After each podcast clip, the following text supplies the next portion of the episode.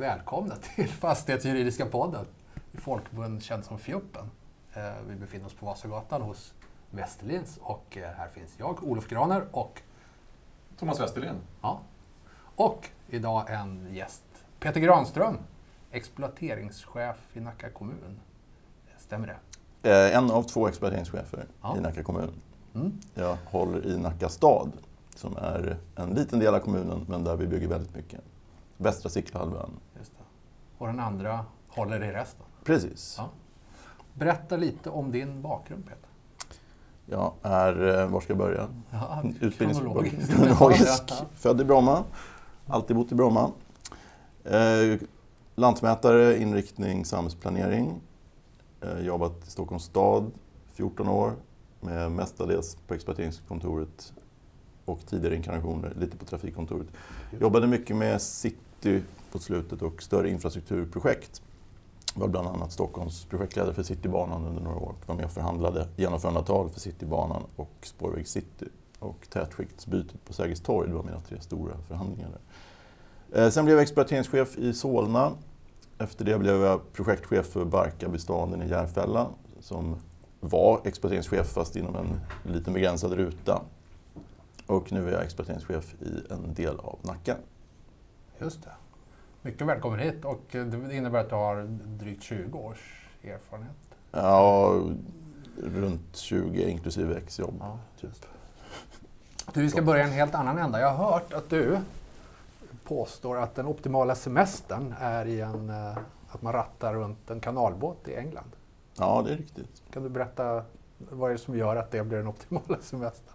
Det är väldigt avkopplande och man eh, ser på när andra arbetar om man kör båten. Så det är ganska, det, det är liksom avkopplande fast man färdas hela tiden. Man, man står still men färdas.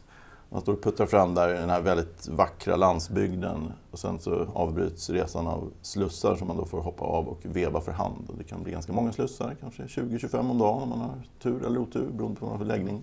Kan vem som helst, skulle jag kunna åka till England och hyra mig en kanalbåt och bara bränna iväg på? Ja, du skulle få genomgå en kort introduktion först. Ja. Först, första gången jag åkte så fick jag en kort introduktion, 10 minuter hur båten funkade, gasspis och sånt där. Om man sätter igång motorn, sen fick jag köra iväg fem minuter med en instruktör. Fick köra, vända och så åkte vi tillbaka till marinan. Det går väldigt långsamt när man kör. Eh, Han hoppade av och så sa han hej då och så fick vi bara köra vidare. Aha. Vi fick en liten kort, kort introduktion i hur man slussar också. Ja, just det. Det är sluss, slussningen som är den tekniskt sett svåra biten. Det är där flest olyckor sker. Mm. Det är någon dödsolycka om året. Ja. Ja. Jag får kanske nämna att Peter har nämnt det för mig varpå jag har nappat på hela den här tanken med att färdas långsamt i den engelska landsbygden. Ja. Och kommer göra det i nästa, nu i sommar, utifrån Peters beskrivning där. ja, just det. Jag har lagt upp färdplan för Thomas. Ja, Ja, men lysande. För det, min, min nästa fråga var man som nybörjare, eller som jag då till exempel, vad, ehm, hur går jag tillväga? Vad är bästa optimala rutten liksom, att börja med? Ja, det- Stratford upon Avon åt Den, norrut. den är trevlig, men eh, det är inte det jag skulle börja utan jag skulle göra som Thomas. Han ska åka på Llangollen kanal. Uttalas, ja, uttalas Llangollen men stavas Langollen. Eh, den går in i Wales. Mm. Den, det är inte våldsamt mycket slussar. Det är väldigt spektakulär natur, framförallt när man kommer in, närmar sig Llangollen. Det är akvedukter som är hisnande höga och det är tunnlar som är beckmörka. Så den har allt, inklusive pubbar längs kanalen. Ja, precis. Just det. För äter gör man, stannar till vid en pub och äter. Man äter och dricker. Och så äter man på båten också. chips. Ja. Man, jag brukar köra en pubmåltid om dagen och en på båten. Mm. Bra, du är delägare i en Mm. båt. Jag är med i ett syndikat. Mm. Har jo, jo. en och en halv elftedel av en Ja. båt. Ja. Jag tycker vi har vårt första scoop här redan. Med ett syndikat. Ja, men vad spännande. Vi, eh, vi släpper kanalbåten. Det var, men jag var, tycker det är viktig information att sprida vidare till våra lyssnare om inte annat. Mycket. Vi ska bygga en kanal i, i Nacka för övrigt. Är det sant? mm. båten är klar På men kanalen Jag har förklarat för projektledaren att det här är vårt högst prioriterade projekt. Ja, ja. Nej, tyvärr kommer man inte kunna åka båt i den. Kanot möjligtvis. Kanot. Var, vilket var det då någonstans? Den eh, vid Kvarnholmen. Ja, från Saltsjösidan? Från Saltsjön till eh, den här viken som jag borde he- veta vad den heter. Svindersviken. Ja, heter den det? Eller? Att blottar spänna o- omedelbart som en okunskap Ja, om just det, kommunen ja, jag jobbar i. Ja, Lite att spänna bågen lite för, för lätt och inte kunna åka kanalbåt i den. Ja, men det. Kan man ju tycka. Ja. mm. Ja. Men du, eh, men vad, vad ska den vara bra för då? Om man inte kan åka båt i den? Eh, jag tror att det är något symboliskt. att Det har varit vatten där tidigare som Ja. är igenfyllt och man vill väl visa Ja. att Kvarnholmen är en holme och Ja, inte en udde. Ja, Det går en hög bro över den. Ja, precis. Och en på andra sidan numera också. Ja men bra, vi, eh, vi pratat lite inför, mejlat lite grann vad vi ska prata om. Och eh, Västerlinds, vi jobbar ju, vi har ju folk på exploateringssidan och byggherresidan med, och ganska mycket infrastrukturbyggande jobbar vi med. Och jag jobbar också med en, en del med infrastrukturutbyggnad.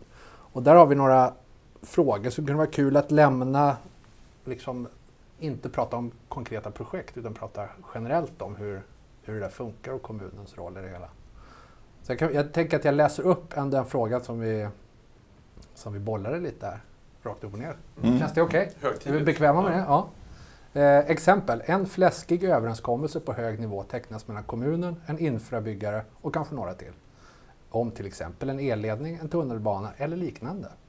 Projektet tuggar igång och några år senare zoomar vi in på en slumpvis vald plats längs sträckan. Är vi med? Några, Mm. Mm. den, nya, den nya anläggningen kan i den här punkten dras antingen i gatan eller nagga en idrottsplats i kanten eller läggas på obebyggd men exploaterbar mark. Någon gräsyta eller så. Då har vi fyra kommunala intressen som, som på något vis eh, kolliderar med varandra här. Och det är, det är det jag är ute efter lite. Tänker att ni på kommunen har ju väldigt många intressen att bevaka. Mm. Till skillnad från oss som är infrastrukturutbyggare, man sitter i ett projekt kanske. Det är tydligare vad som är högst prioritet. Ja. Ehm, och då undrar jag, för att jag är lite nyfiken, hur det där går till i praktiken. Mm. Eh, det går inte att svara generellt utan det beror på kommun och det beror på motpart och det beror på handläggare och det beror på chef och det beror på politiker. Det korrekta svaret är naturligtvis att det finns ett rätt svar. Så här gör man alltid. Men det beror väldigt mycket på vilket uppdrag man har, vad som är viktigt för kommunen och de andra aktörerna just i det här tillfället. Eh, Jag ska säga, kommunen, kommunen består ju av flera delar. Och kommunen som helhet har ju de här fyra intressena. Men de olika delarna av kommunen har enskilda intressen. Ja. Så att gatan till exempel, funktionen gata, den vurmar ju de som jobbar med trafik. Precis. De vill ju naturligtvis inte stänga av gatan för då blir det trafikstockning och deras politiska nämnd vill ju inte heller göra det. Nej. Sen har vi idrottsbiten av kommunen. De vill ju naturligtvis inte nagga idrottsplatsen i kanten. Eller också vill de det. För då kanske det innebär att de får en ny finare idrottsplats någon annanstans. Så det är också lite så här, beror på. Mm. Eh, och vi som då jobbar på exploatering, vi vill ju naturligtvis inte förhindra möjligheten att exploate- exploatera. Eh, Sen kan det också vara så att om den, även den här marken må vara exploateringsbar i våra ögon, men i en landskapsarkitekts ögon så kanske det är en värdefull naturyta som borde planläggas som park. Mm. Och då vill ju de inte var- vare sig ha en ledning där eller, Mm. eller att vi ska bygga bostäder. Och så vill de ha en ledning där. För då förhindrar de ju oss från att exploatera Ja, marken. precis. Just det. Och Men- allting det här beror ju på hur man gör prioriteringar. Det, det ser ut som du vill säga någonting. Nej, men det, jag var precis inne på det för att alla bara att förtydliga situationerna. Man, den, att man på handläggarnivå sitter man och träffas om den här saken och då är det någon från trafikkontoret som vurmar för gatan och någon från idrott som, ja men den här, just Mm. den här idrottsanläggningen har vi ambitioner att bygga ut där inom Mm. kort. Och exploateringsingenjörer som tänker på sin framtida mark och sen så sitter man då som infrabyggare och Ja.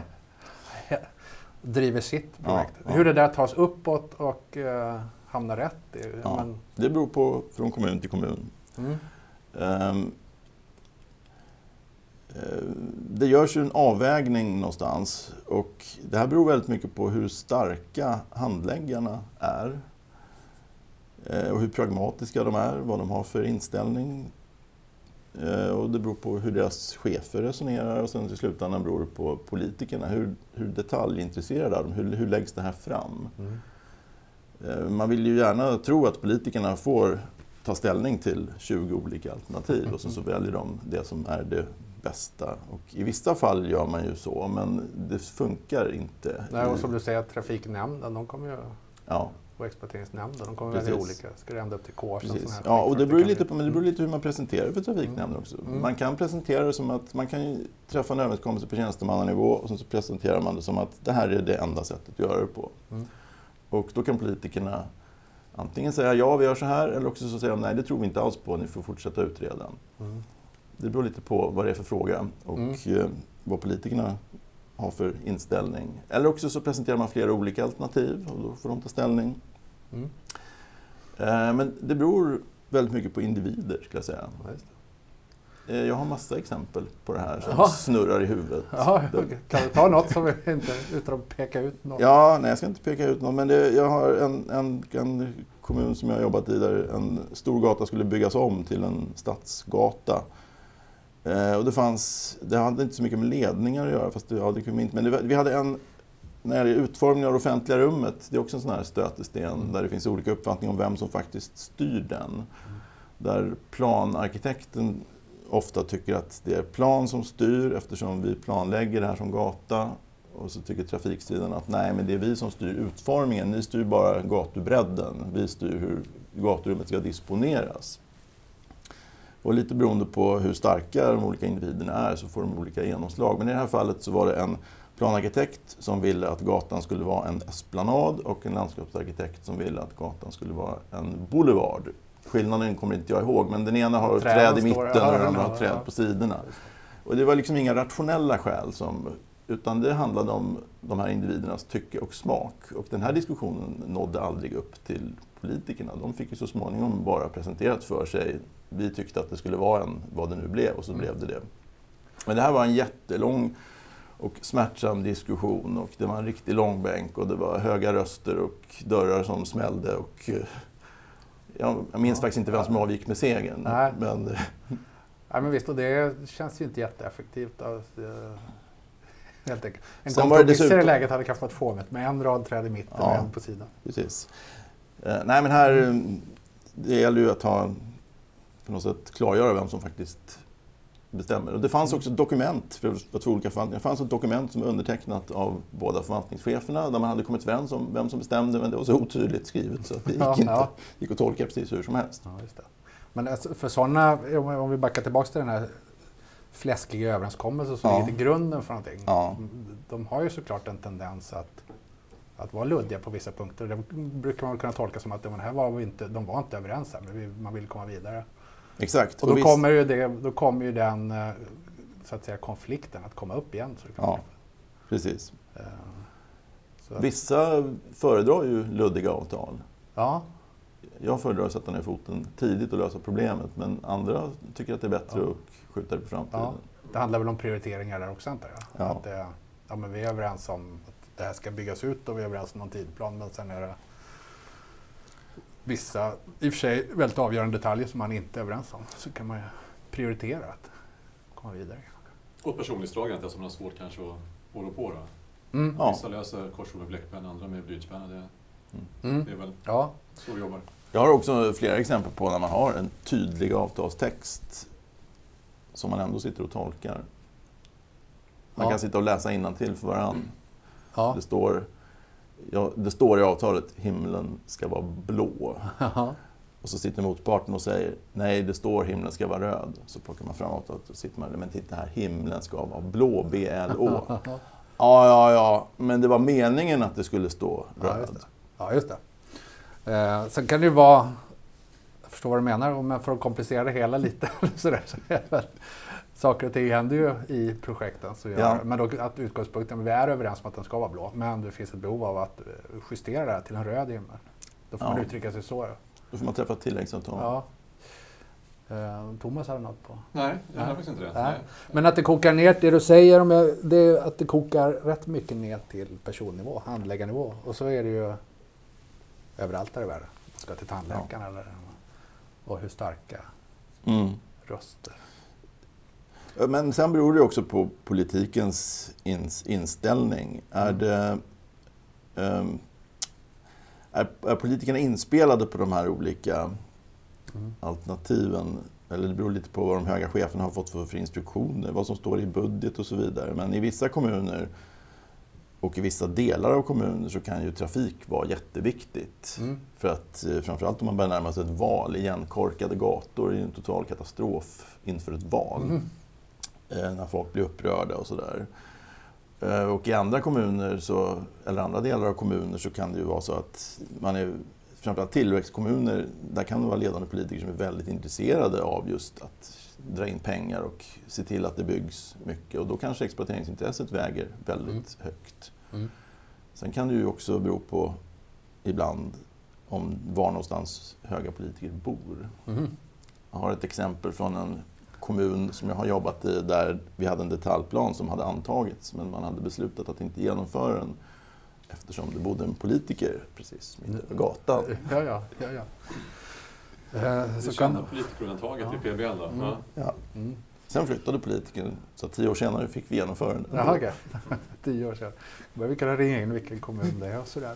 Ja, men det, jag behöver inte nödvändigtvis ha varit med nej. under hela den Nej, nej just det. Uh, men det var jag tänkte på, men det är ju det här det delikata. Som vi säger, du säger att men det, går inte, det finns ingen generell metod för att göra de här prioriteringarna. För det ser så olika ut och det är det som gör det så svårt, tänker jag. Ja. Det, delikat syssla. Om man ja. kommer utifrån då eh, och så får man besked från trafikkontoret, får inte lägga den i gatan.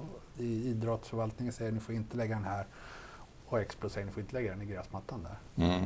Då tänker jag, vad är, hur, vad är tricket? Jag försöker då, men vi, ni är en kommun, ni får prata ihop er. Det är ni ni måste avgöra vilket av de här mm. prioriteringarna som...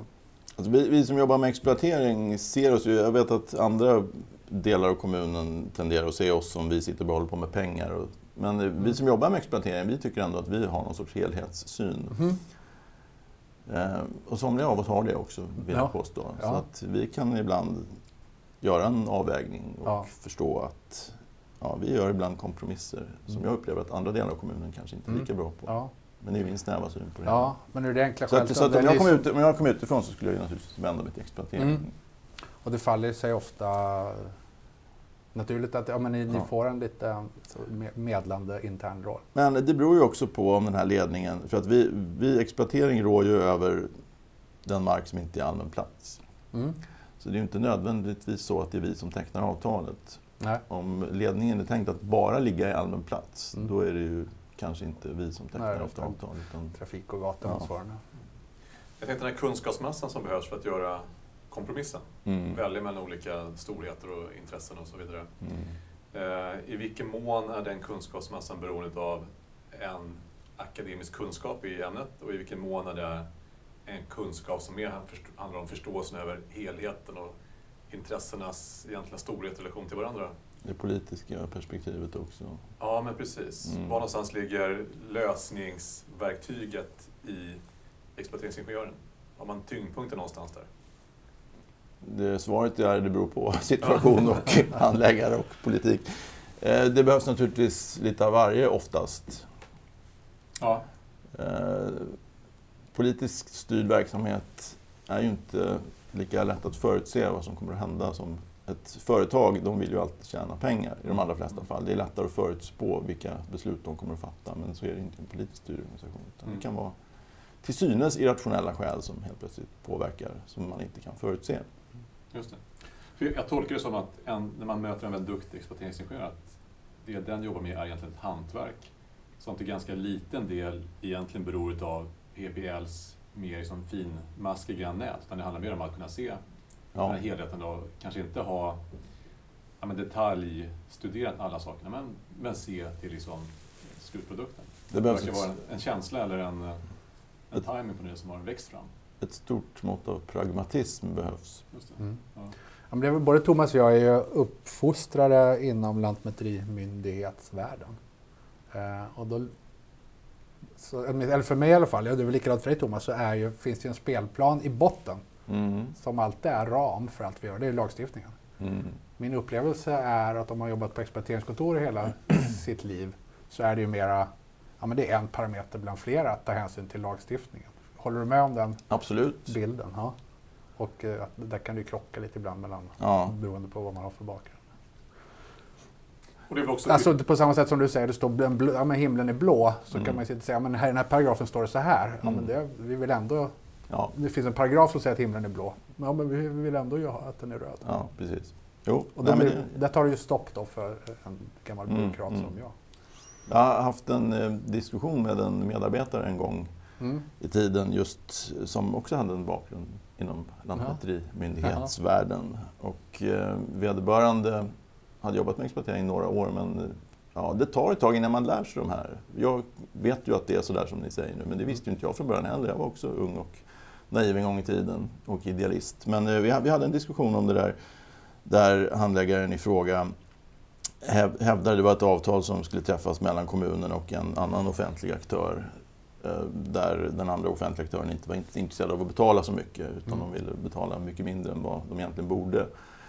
Och så hävdade då min medarbetare att ja, men vi kommer att kunna tvinga igenom det här i en lantmäteriförrättning. De ska betala det här för det kommer Lantmäteriet att besluta. Och var jag tvungen att förklara att den här aktören kommer aldrig att försätta sig i situationen att Lantmäteriet beslutar det här utan de kommer inte att skriva på förrän vi har skrivit ett avtal där det står att de ska betala så här lite. Och ska vi ändra på det så måste vi göra någonting annat. Och det tog ett tag men jag tror att polletten trillade ner. Mm. Vederbörande sa till slut, men det ju, det blev alldeles tyst och så sa men det är ju jättehemskt. Ja, välkommen ut i verkligheten. Ja, i verkligheten, ja.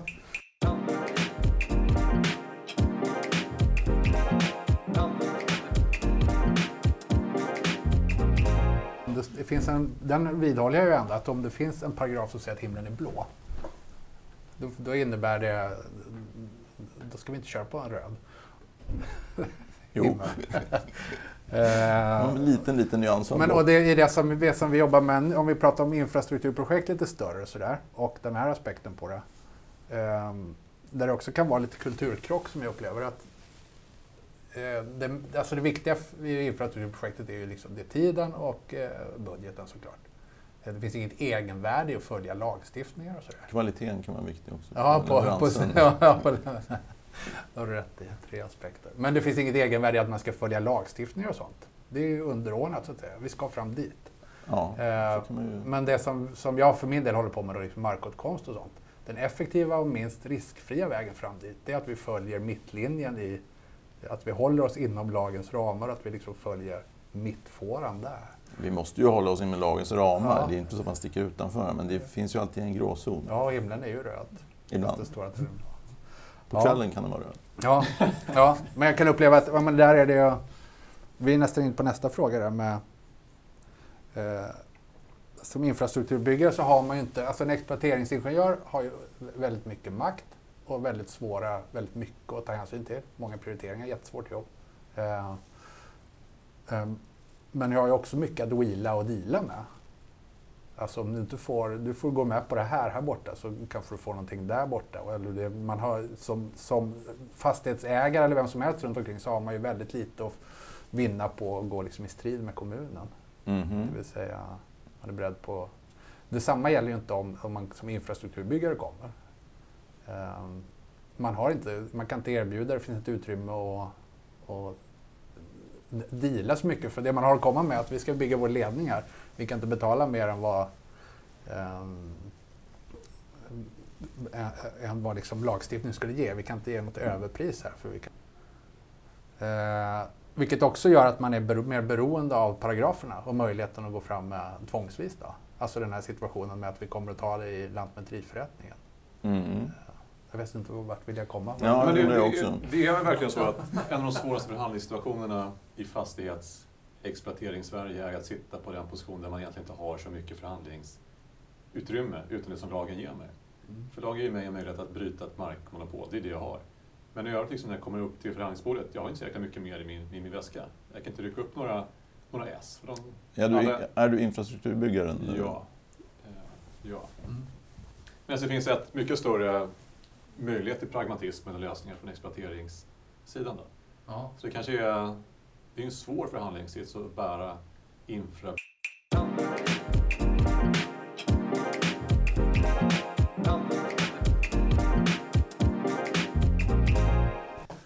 Men för att ri- ringa, försöka ringa in det, eller vad jag var ute efter, det var att eh, när infrastrukturbyggaren kommer och vill bygga sig en ledning över 100 fastigheter så kommer man det effektiva vägen fram det är att vara mer som din gamla förrättningslantmätare där. Att vi har en lagparagraf och vi kommer att ta det här i lantmäteriförrättningen. Den är helt avgörande den parametern. Och sen så kan man utifrån det förhandla. Medan exploateringsingenjören kommer, nu ska vi bygga om ett område här. Eh, så är inte tvångsspåret ens kanske på agendan. I... Nej, vi, eh, i vissa fall så kan man ju rent teoretiskt hota med att expropriera, men det eh, brukar vara väldigt politiskt känsligt. Mm. Det är ytterst sällan de kommuner jag har jobbat i ens har övervägt det. Mm. Och att gå fram med det är väl om man ska bredda någon gata, eller jag vet inte om det mm. som man kan tänka sig mm. att man kanske gör det. Mm. Mm. Det är väl den vanligaste formen av expropriation fast vi kommer undan med att kalla det för någonting annat. Ja för, för när en kommun driver tvång. Ja, men, eh, jag vet inte, jag kände jag höll inte riktigt eh, jättetydlig Nej. tråd här. men du var, inne, du var inne på det här, för det var inte min tanke var inte att prata om kommunen mot infrastrukturbyggaren. Men vi tar den nu då. Mm. Kommunen mot infrastrukturbyggaren. Ja. Och du kommer med ett påstående där. Eller, Nej, det var du. Jag, det var jag som kom i... Jag, jag tolkade dig som att mm. du kom med ett påstående. Ja.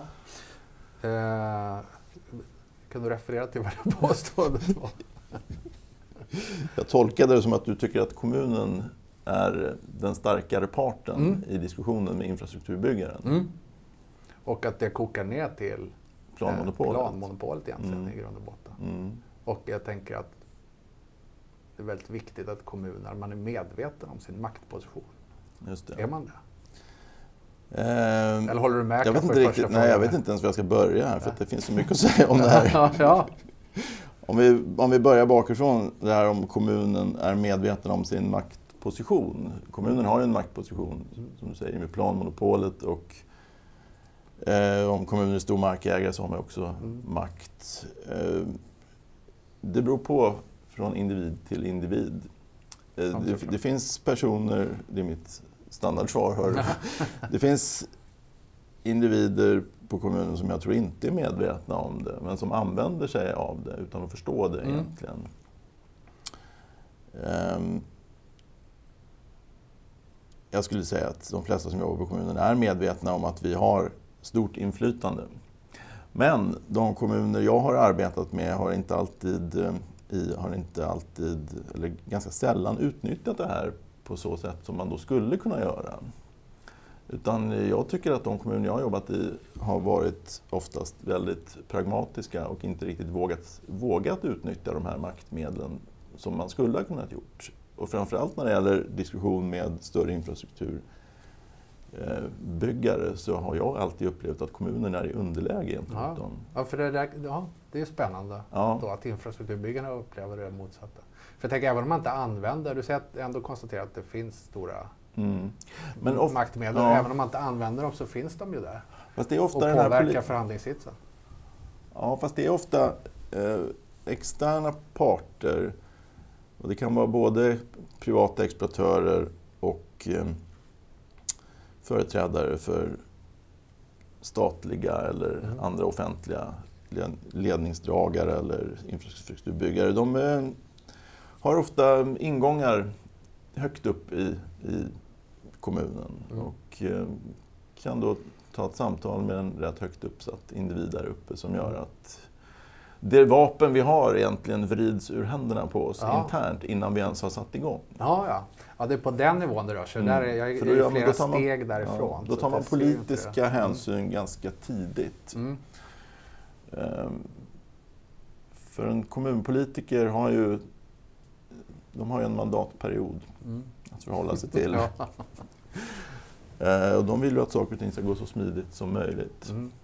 Ja, Sen är det ju så här med, i alla fall här i storstadsregionen, att de här stora infrastrukturprojekten de är ju jätteviktiga för kommunen också. Mm. Ja, men de, är ju, de förutsätter ju ja. att kommunen är, för det första att kommunen ja. är, med på dem. Det finns väl inget sånt, alltså det är inte, vi pratar om den fläskiga överenskommelsen i botten. Mm. Eller finns det några där? Vi kan väl vara överens om att projektet ska genomföras men sen hur det genomförs och vem som ska betala vad, det mm. kan ju verkligen skilja sig. Ja, ja verkligen. Ja, visst. Mm. Ehm, ja, just det. Så det, du, du håller med om... För jag, jag har liksom kanske noterat också att inte alla är... De flesta är, är ju, har, som jobbar med exploatering på exploateringskontor är ju medvetna om det här och ödmjuka inför och förstår att vi... Mm. eh, Men det finns även de som inte är det. Och det kan ju vara lite läskigt. Då kanske man, Jag skulle säga... man tror att man om- vinner alla förhandlingar för att man är... Ja, man får lite fördomsfull så skulle jag säga att på exploateringssidan så är man nog återigen lite mer pragmatisk och ödmjuk, i min upplevelse. Ja. Medan det finns myndighetsutövande delarna av kommunen kanske inte riktigt har samma pragmatiska inställning. Ja, men det har du rätt Där kan man ibland Jaha. mötas av inställningen staden, det är jag. Ja, ja. Uh, ja men så är det Och kommunen, det är också eh, ett dilemma, eller dilemma men en svårighet att med flera varianter av myndighetsutövning och Mm. dessutom markägare och Mm. eh, ett antal särintressen som man driver. Men jag skulle säga att den starkaste parten bort, är ju varken kommunen eller infrastrukturägaren Staten. utan det är länsstyr, staten genom Länsstyrelsen. Ja, För de har ju vetorätt ja, i det mesta. ja. Och där är- beror det också väldigt mycket, upplever jag, på pragmatism. Mm. Graden av pragmatism hos Ja, enskilda handläggare. ja. Men jag tänker att det kokar in i det vi är ute efter att, att kommunen genom planmonopolet också har vetorätt. Fast sen det du säger att ja, men den, man hamnar ofta i situationer av politiska skäl som gör att det Mm. går inte att använda. Nej. Jag förstår. Innebär det på något vis att alla kommer ganska väl beväpnade till, till förhandlingsbordet då, men de flesta vapen har kanske videos i händerna på just förhandlingsaktörerna och de praktiska förhandlarna redan innan mötet? Då? Både ifrån eh, infrabyggarens sida och kanske även från kommunens och länsstyrelsens. Jag har aldrig varit med om att vapnet har vridits ur händerna från infrastrukturbyggarens sida utan det har alltid varit kommunen som har hamnat i underläge, upplever jag. Mm. Just det. Man skulle ju vilja prova någon gång att driva ett infraprojekt som är utan avtal. Eller så att man, man skulle, det kan, för det går ju mycket tid till de här genomförandetalen. Och, Ja, du vill bygga utan avtal. ja, men alltså, driva det med att men vi, vi ska inte... I, i det, vi låtsas att vi inte alls är överens och så tar vi allting eh, i olika processer och så kan vi komma överens inom ramen för dem. Mhm. Ja. vill Parollen ”Nu sansar vi oss”. Det är det, kan det vara parollen över hela den här processen. Ja, det, Nu sansar vi oss, nu ska vi hitta faktiskt bästa lösningen här. Ja. Eh, ja, men det kan ju vara detaljfrågor som, som gör att det drar ut på tiden. Om vi tar den tidigare prioriteringen där. Var ska vi lägga den här ledningen? Ja. Precis på den här punkten. Mm. Eh, det kan ju ofta vara lite diffust hur det går till och beslutsvägar för att komma fram till exakt var den ska ligga där. Eh, Ja. Ja.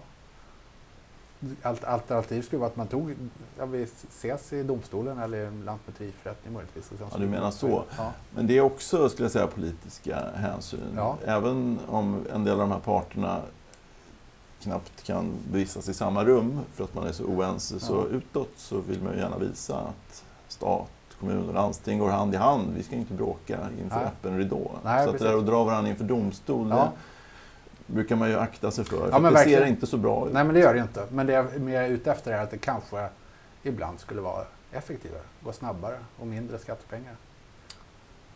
Eh, Ja, eller också inte. Ja. Mm. Ja. Men Sovjet har ju provat och det Ja, fanns ju ja, både för och nackdelar Ja, ja, med, ja. det systemet. Ja. Ehm, Nej, men jag, jag funderar på det där du var inne på, att bygga utan avtal. Ja. Och så får man se vad som händer. Jag har ju sådana exempel också ja, jo, faktiskt. jo, jo. Eller att man har ett avtal där den ena uppfattar att himlen är röd och den andra uppfattar Ja. att himlen är blå. Ja, men jag har ett exempel när en infrastrukturbyggare hade ett väldigt tydligt avtal där det skulle byggas en infrastrukturanläggning i en annan parts infrastrukturanläggning. Ja, Och så hade man avtalat om exakt vid vilken tidpunkt man fick göra inskränkningar i. Mm. infrastrukturanläggningen som fanns. Ja, just det. Ehm, eh, det fanns ett utpekat datum. Den här dat det här datumet får man, det var en gata. Det här datumet får man stänga av den här gatan. Mm. Eh, en fredag morgon ringer Radio Stockholm och frågar varför är den här gatan avstängd? Det är totalt kaos. Ja, då har infrastrukturbyggaren beslutat sig för att nej, men vi behövde stänga av den här nu istället. Ja. Var någonstans har det gått åt helvete i, det, liksom i den kedjan? Är det entreprenören? Nej. Är det- Nej, men det där handlar mycket om eh, synen på vad som är viktigt. Mm. Eh, Det är syn, liksom, vad som är viktigast, projektet eller den befintliga anläggningen. Mm. Och det där kan variera väldigt mycket från person till person beroende på vilken roll man har. Mm. Jag har varit med om att samma person har sagt olika saker samma dag beroende på vilken stol de, de sitter på. Ja. I, jag har ju då jobbat på kommun, men, och vi har i vissa fall bygger vi saker i anslutning till andra parters anläggningar och i vissa fall så bygger samma parter saker i anslutning till våra anläggningar. Mm. Och jag har varit med om att samma person samma dag på förmiddagen hävdar att det är bevarandet av den befintliga anläggningen som är det viktigaste. Det förstår ni väl att ni inte kan störa den här anläggningen när ni kommer och bygger. Mm. Och på eftermiddagen så har personen sagt, ja men det förstår ni väl att vårt projekt är viktigare. Mm. Det här är ett samarbetsprojekt. Ni vill ju också att vi ska bygga det här. Så Mm. det är klart att ni ska Mm. flytta på er anläggning. Ja. Ja, men visst. Ja, men där, då är vi inne på, på min sista fråga egentligen. Så den här ringdansen, Ja, där alla säger samma sak. Alltså de, det är en handfull, eller ja, tiotal kanske, det är en begränsad antal aktörer som ägnar sig åt fet infra, infrastruktur, både Mm. att bygga och Mm. att förvalta. ja. Kommunerna, landsting, staten, Ja, Trafikverket, VA-bolagen och sådär, Mm. el. Och jag tycker ändå att det är väldigt påfallande att alla säger samma sak, bara beroende på om man är råkar vara förvaltare för ögonblick eller en som bygger ut. Alltså Mm, Det är samma mm. argument som bara går runt. ja. Är det, det är det du menar också? ja. Fast jag menar att vissa parter är mer pragmatiska än andra. Ja. Eh, ja. Eh, men, och det där nästa tanke av det leder ju till att, och det går ju rätt mycket, det säger du själv att ja, men det är rätt knastrigt många gånger och man litar inte riktigt på varandra och det är, Mm. eh, kanske till och med tycker illa om varandra. Eh, mellan de här. Att det borde ju gå med den här, det är inte så många, att hantera det här på ett bättre sätt. Kan man Ja. hitta ett optimalt sätt att ja. rodda det här. Ly- Lycka till. Ja. Försökt i 20 år. Ja, nej men... Eh, jag tror att det handlar väldigt mycket om hur, hur öppen man är med sin agenda. Mm. Och jag upplever att de organisationer jag har jobbat i, de kommuner jag jobbat i, vi har varit öppna med vad det är som är viktigt för oss och vilka mandat vi har. Medan det finns andra organisationer inom det offentliga som inte är lika öppna. Mm. Och vad det beror på, det vet inte jag. Ehm, Det finns ju organisationer som är mer eller mindre toppstyrda och eh, om man ser på hur saker och ting är tänkta att fungera Mm. så ska ju tjänstemännen ska ju, fatta, ska ju föreslå saker kring sakkunskap och politikerna ska ju egentligen inte vara ner och peta i detaljer utan de ska ju stå, stå för visioner och så. Men ibland så är man inne och petar i detaljer i vissa organisationer och det kan finnas väldigt tydliga, tydliga styrinstruktioner som gör att det inte går att kompromissa. Mm. Eh, Och eh, det är ju lite känsligt att berätta att det är så. Ja, det, är, Det, det, det kan vara lite pinsamt också. Ja. Jag är bakbunden, det kan vara prestige i det. Ja. Jag kan, det kan ju vara så att man tycker att det huvudmannen säger är helt fel, men jag måste förhålla mig till det för det. Mm. Och det kan ju vara pinsamt. Men det skulle finnas mycket att vinna på att säga det i ett tidigt skede. Då. Ja. Att det här är... Men det är en läggningsfråga skulle jag Ja. säga. Jag tycker att man ska vara så öppen som möjligt med vad man har för- har mandat. Ja, vad man har för mandat. Ja. Eh, Men jag har varit inne i förhandlingar där motparten utger sig för att ha ett tydligt mandat och sen konsekvent ja. backar från det de har sagt tidigare. Nej, jag fick inte igenom det här, men nu har jag mandat. ja. Och så till slut så är man inputtad i hörnet. Mm. Och det har jag också varit med om. Alltså att precis samma hos kommuner. Eh, man kan få ett syfte med det. Vi- vi- Mm, mm. Den uttalade ambitionen att vi ska prata om en viss detalj, komma fram till en viss detalj. Men sen Mm. är, förstår man efter några möten att ja, men det, det, är- det är tvärkört. Det finns ett alternativ här. Mm, Det är inte mm. uttalat, Mm. men det är tvärkört och det blir väldigt Mm. dålig stämning till och med om man försöker liksom resonera om. Så det, är, Ja. det, är väl samma, det är väl det du pratar om också? Jo. Ja. Och Och du upplever det hos infrastrukturbyggarna. Det finns tror jag i alla Mm, organisationer.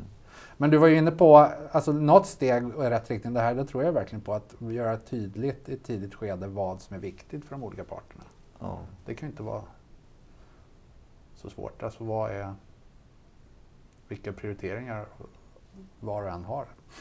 Men det kan ju vara så att den, den instruktion man har fått under hand kanske inte riktigt rimmar med den instruktion man officiellt har. Nej. Beroende på hur organisationen Ja, styrs. Och då kan det vara, det kan vara så att man inte får Ja. avslöja vad det verkligen är som är Mm. det viktiga. Mm.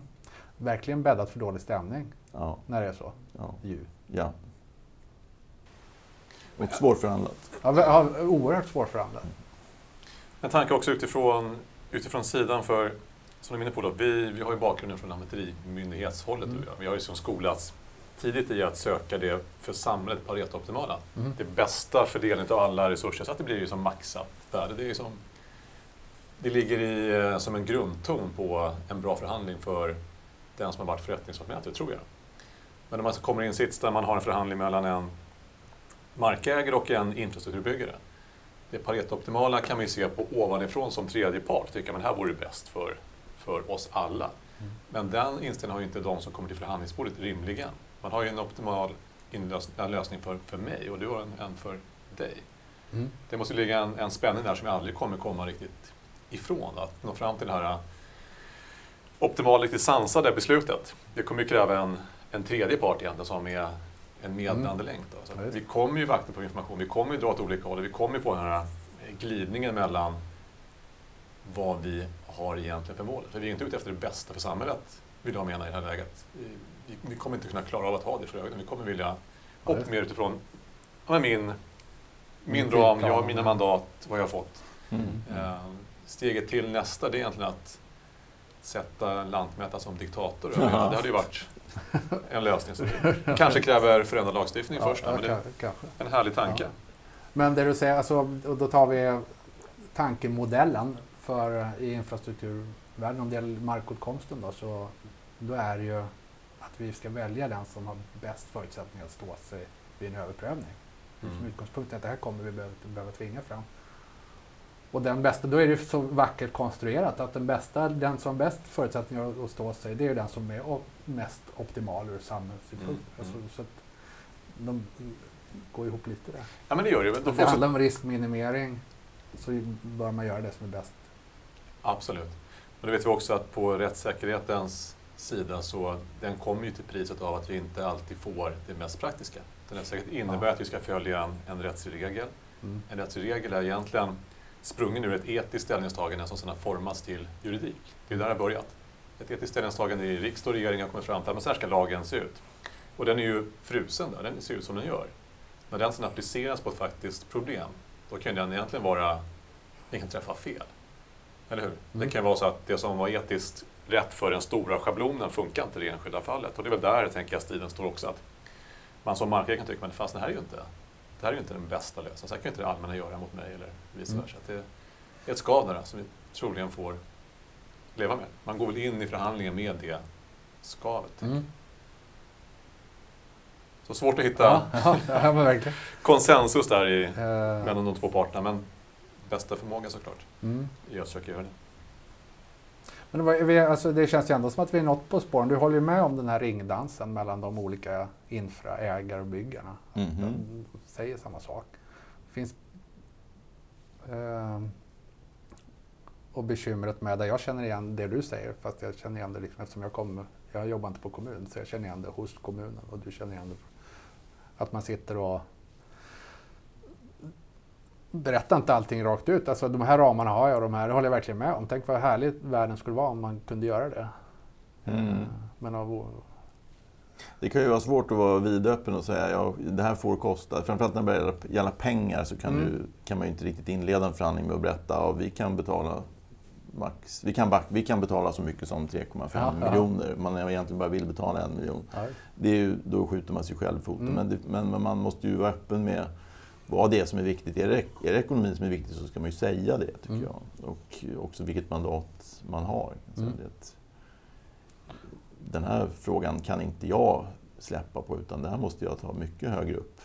För att kunna diskutera vidare. Mm.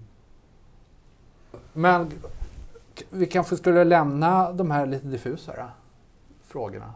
Eller det, är, det är svåra frågor, intressanta frågor. Ja. Men, eh, skulle man ha...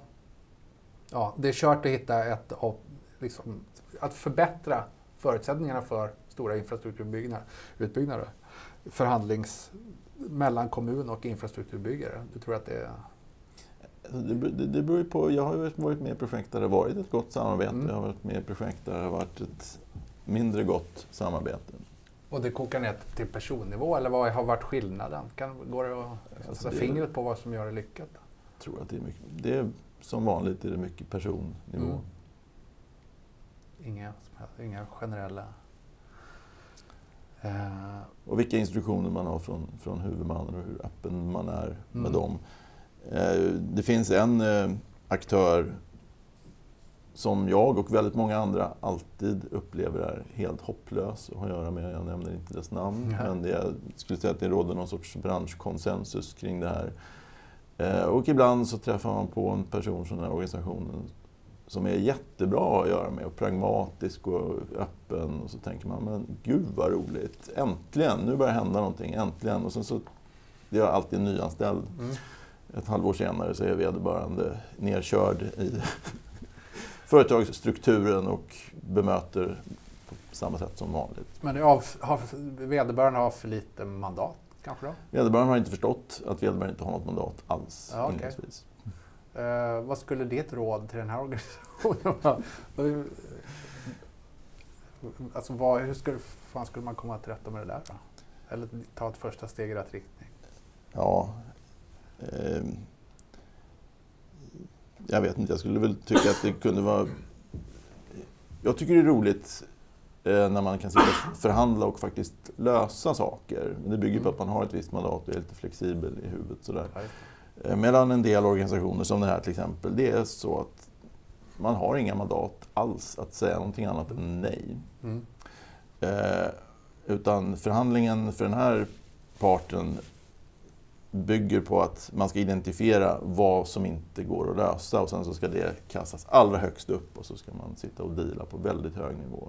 Mm. Eh, Det är ju bra att känna till det som motpart så att man inte tror att man ska sitta och förhandla på handläggarnivå för det lyckas man nämligen inte med. Ja, Det tog några år innan jag förstod det här. Ja. Eh, Jag tycker att det är ett tråkigt sätt att förhandla på. ja, och det är ett organisatoriskt problem. Det är inte så att den har så pass att det finns tekniska skäl i botten. Man kan inte presentera till varför man säger nej på ett... Nej, jag Det är en sak att säga nej. ja, jag skulle säga att det är en företagskultur. Ja. Eh, Bra. Vi eh, ska börja avrunda då. Klockan är tre minuter i nio. Berätta om, bara kort om något projekt från ditt yrkesliv som du är riktigt nöjd med, som gick riktigt bra. Citybanan var väldigt rolig att Ja. jobba med. Det var en extrem... Jag var ju inte med från början. Jag började jobba med projektet 2006, 2005, hösten 2005 när vi började nosa på ett genomförandeavtal. Det var en extremt tuff förhandling. Det var staten, kommunen och landstinget som skulle träffa ett trepartsavtal. Det var en extremt tuff förhandling. Där vi satt och nattmanglade fram till klockan två på nätterna. Och, eh, rätt hård, hård stämning i rummet. Mm. Eh, när avtalet väl var påskrivet, påskrivet så eh, flöt det på väldigt bra. Och personer som jag hade tyckt var dumma i huvudet, rent ut sagt, visade sig vara jättebra att jobba med. När man hade ett avtal klart, Mm. då gick det jättebra att jobba. Jag lärde mig mycket, mycket på det, att Ja. skilja mellan sak och person. Eh, Jag har, ibland så träffar man på personer som verkligen är totalt hopplösa, men oftast så handlar det om att man sitter på olika sidor Mm. bordet. Ja, Det är en ganska skön insikt Ja. till slut. Men Citybanans genomförandeavtal är ett väl fungerande avtal som kom ut där då? Ja, det tycker jag. Fick dessutom beröm av Stockholms revisorer. Ja, det är ytterst sällan revisorer tycker något, på- att något är bra, men eh, de, de, de skrev i en revisionsrapport att avtalet kunde gott förtjäna som ett föredöme. Mm. Det är nästan den finaste... Det är den finaste komplimangen någonsin har Ja, fått. jag tänkte precis säga det. Då kan man nästan dra sig tillbaka och gå i pension genom Ja. att Men den finns väl i, finns i tryckt version, så A5, genomförandeavtalet. Ja, Ja, jag har den fortfarande. ja, jag tror det. I ett skåp. Ja. Men ska vi avrunda då? Jag känner att eh, om vi bara eh, recenserar så kan jag tycka att jag höll, jag hade lite otydlig styrning på, på mötet där. Men eh, får, vi får lyssna i efterhand och se om vad som kom fram av det. Om vi behöver göra om. Om vi behöver göra om det. Men eh, kanske en uppföljning när vi, vi har eh, smält det här lite grann. Mm. Jag tycker det var som en kanalbåt, från punkt till punkt. Det har inte funnits några avvikelser på vägen. Lite slussande och lite handarbete, men jag tycker Ja. det har funkat. Och det gick ganska långsamt. Det gick i lagom tempo, ja. Vi hann Ja. uppleva det vi skulle uppleva. Någon procent har avlidit längs vägen. På andra båtar kanske, men inte på den. Ja.